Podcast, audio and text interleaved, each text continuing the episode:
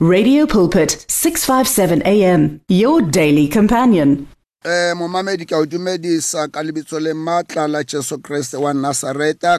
O dumedisa ke moruti David Marshall from Soshanguve. Eh re o dumedisa from Radio Pulpit. Re o dumedisa re le mo semoyeng re re modimo a ka o hlonlofatse mo le moteng ko lapeng mohlomongwe ko mosebetsing eh enjoy you are listening enjoy you are stay with us mo nakonyana e re nang le yona modimo a ka a o tlhonolofatse um eh, ka tseno ke tlo bolela ka ntho e re ka e bitsa gore the miracle of pentecost um mo nakong e fetileng re ile ra bolela ka taba ya go tsoga ga morena jesu le go itlhagisa mo barutweneng ba gae ra bolela ka tsela e motho a ileng a pholoswa ka teng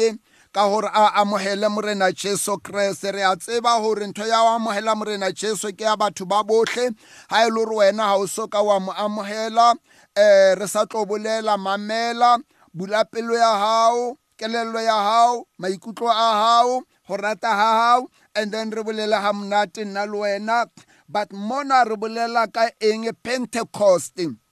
ka morao ha tsoho morena jesu o ile a dula le barutwana ba hae for 40 days and then a iponahatsa mo makhethong a athene and then ka letsatsi la nyologo ya gage which is ascension day morena jesu kreste o ile a tlhonolofatsa barutwana ba gae and then a ba tlogela ka matlhogonolo le nna ke na le ona le wena o ka no ba o na le ona o tla ba le ona and then after ascension day 10 days after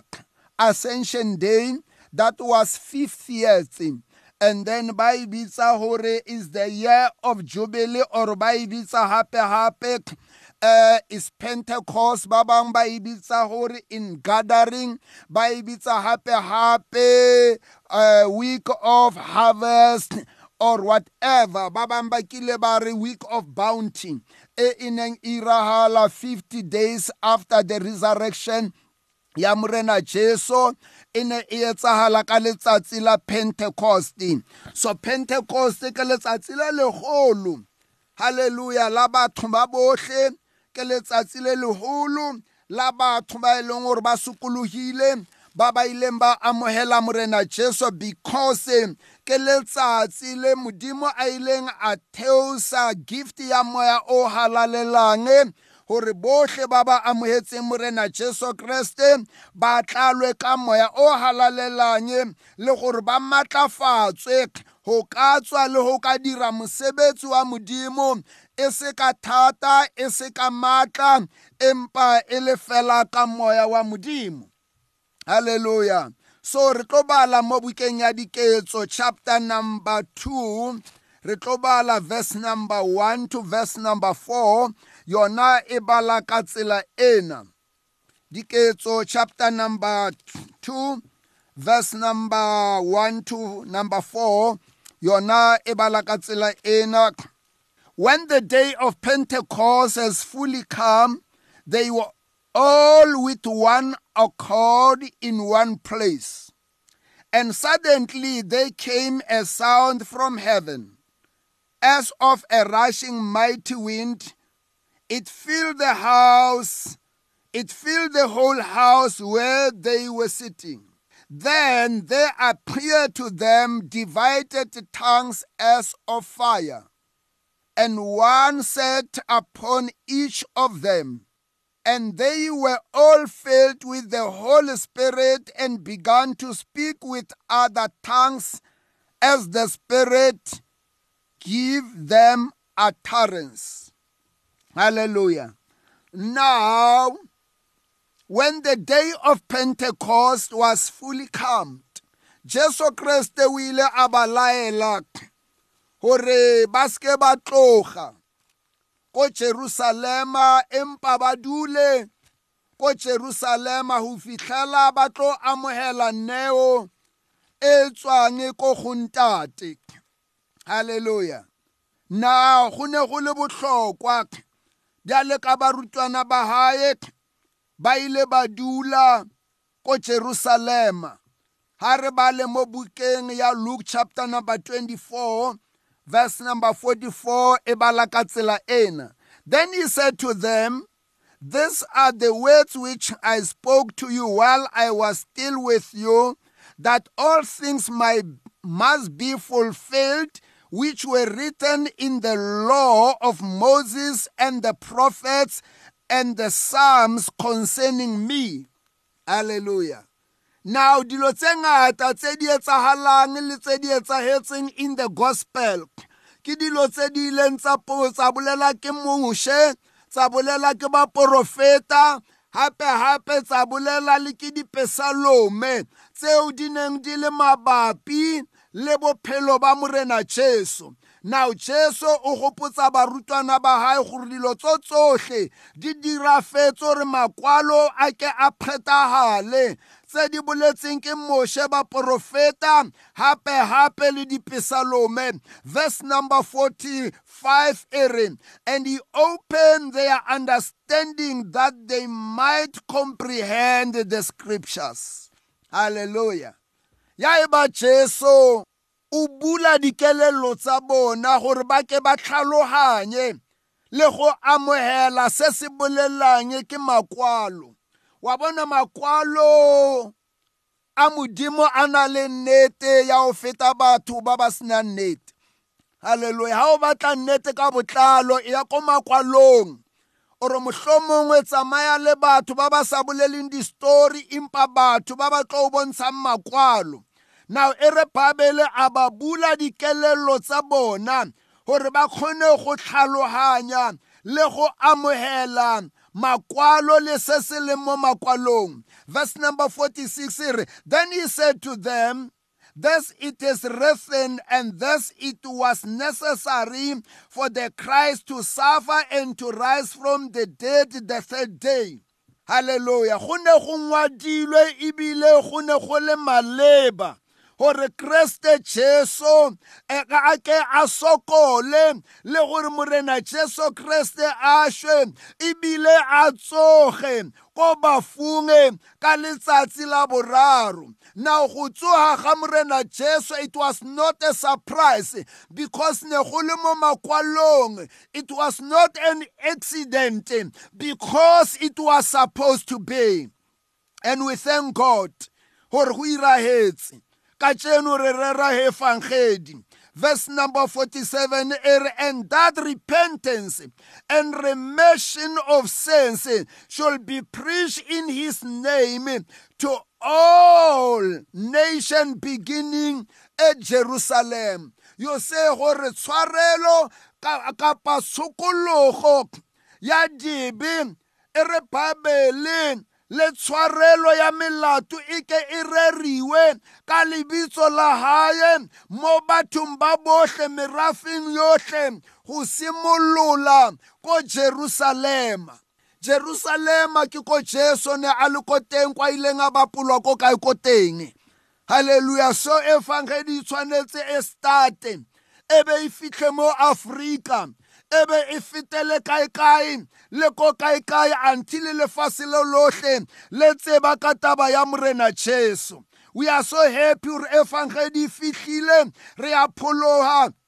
re a lokologa re a fodiswa re a tlhatswiwa re a tshwarelwa dibe re na le bophelo bo bo sa feleng eh. ka tseno re batho re bana ba modimo ka baka la efangedi gobane ke maatla a modimo a pholosang botlhe ba dumelang go morena jesu kreste verse number 48 eh, eh. and you are witnesses of these things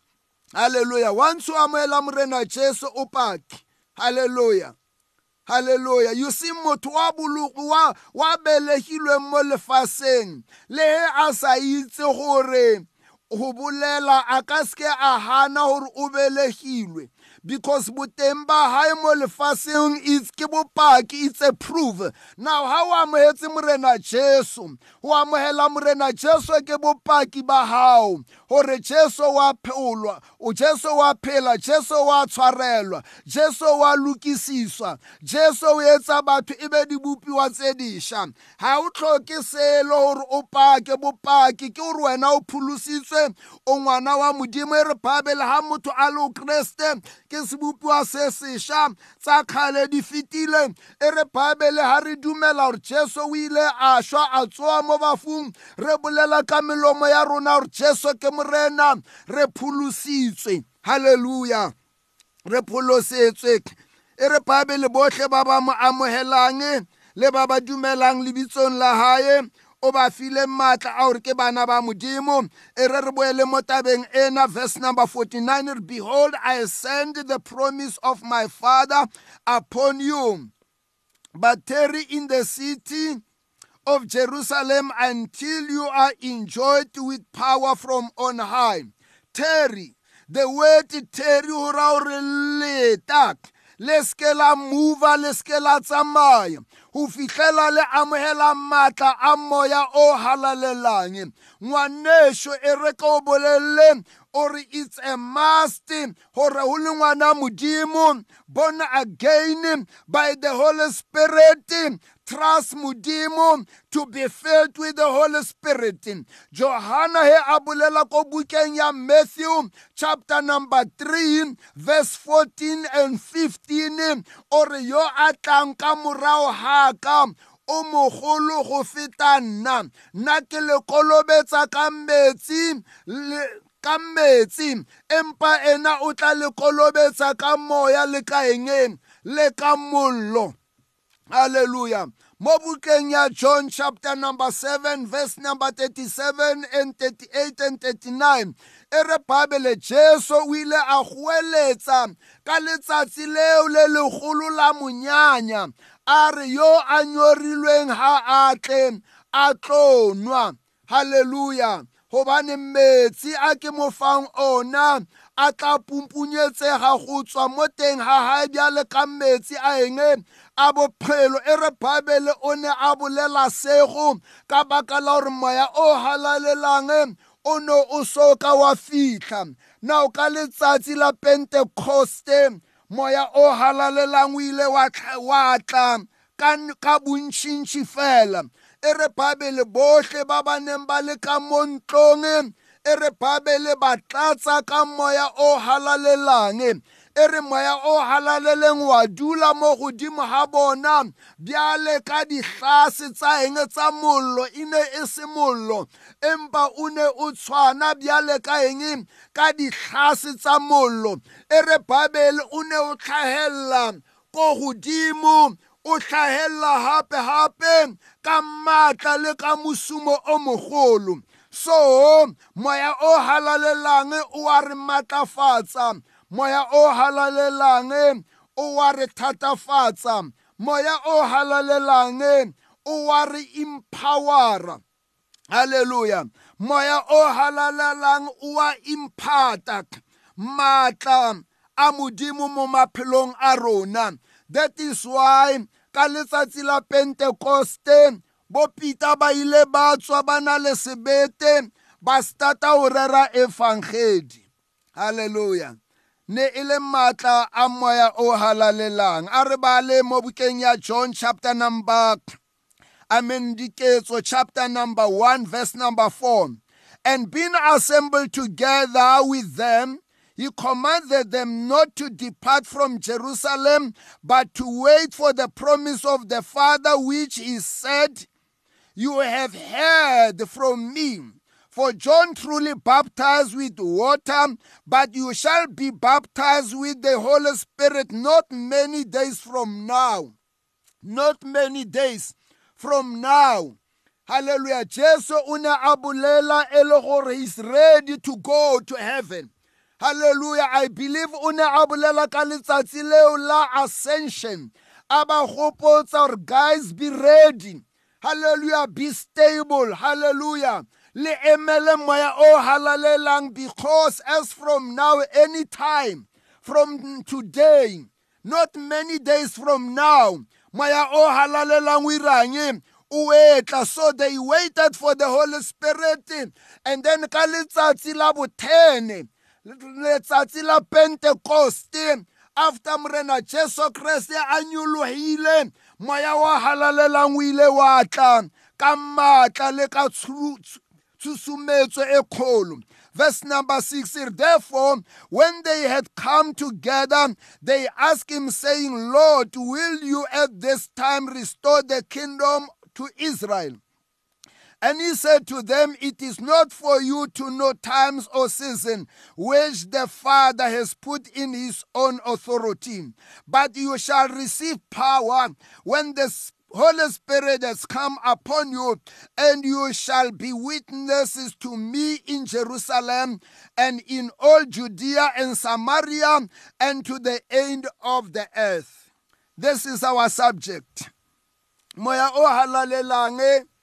ha wa tla hore o re fe di-title moya o halalelang ha wa tla hore o re fe di-position moya o halalelang ha tla hore a re fe maemo moya o halalelang ha tla hore re be le makoko re te kgogometse re we o feta ba bangwe moya o halalelang o tlile hore rena re be dipaki tsa morena jesu re bolele efangedi re moletlele a re maatlafatse a bereke ka rona bjale ka ileng a bereka ka morena jesu kreste a ira mehlolo a ira dikgagamatso a lokolla batho bohle ba ba tlamilweng ke satane le madimona moya o halalelang o teng gore a go ire wena o be a super christian o e leng gore o tsamaya ka tumelo ha re bala mo bukeng ya diketso chapter number 4 e bala something se se leng very empower power, something very powerful from verse number 23. Yona ere diketso chapter number 4 verse number 23 and being let go they went to their own company and reported all that the chief priests and elders had said to them. And when they heard that, they raised their voices to God with one accord and said, Lord, you are God who made heaven and earth and the sea and all that is in them. Verse number 25 who by the mouth of your servant David said, Why did the nation rage and the people plot vain things? The kings of the earth took their stand, and the rulers were gathered together against the Lord and against his Christ. Verse number 37, I mean 27. And truly against your holy servant Jesus, whom you anointed with whom you anointed, both Herod and Pontius Pilate and the Gentiles and the people of Israel were gathered together to do whatever your hand and your purpose determined before to be done. Now, Lord, look on their threat and grant to your servant that with boldness they may speak your word by stretching out your hand to steal, to heal and and that signs and wonders may be done through the name of your holy servant Jesus. And when they had prayed, the place where they were assembled together was shaken, and they were all filled with the Holy Spirit, and they spoke the word of God with boldness. Hallelujah. You see matla a moya o halalelrang a re fa matla a o rera efangedi go bolela lentswe la modimo go ira mehlolo le dikgagamatso ka lebitso la morena jesu kreste balwetse ba fole bafu ba tsoge mehlolo e etsagale ngwaneso bereka ka moya o halalelang modimo a o thuse o etsetse ntle modimo a galaletswe ka lebitso la jesu kreste wa nasareta o bolela le Murti David Mashele from Social Government contact number yaka 067 358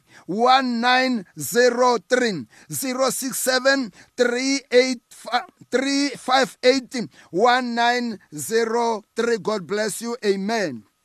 Hallelujah. The words of the Lord are words of life. Your heart is on 657 AM. 657 AM. Radio for believers in action.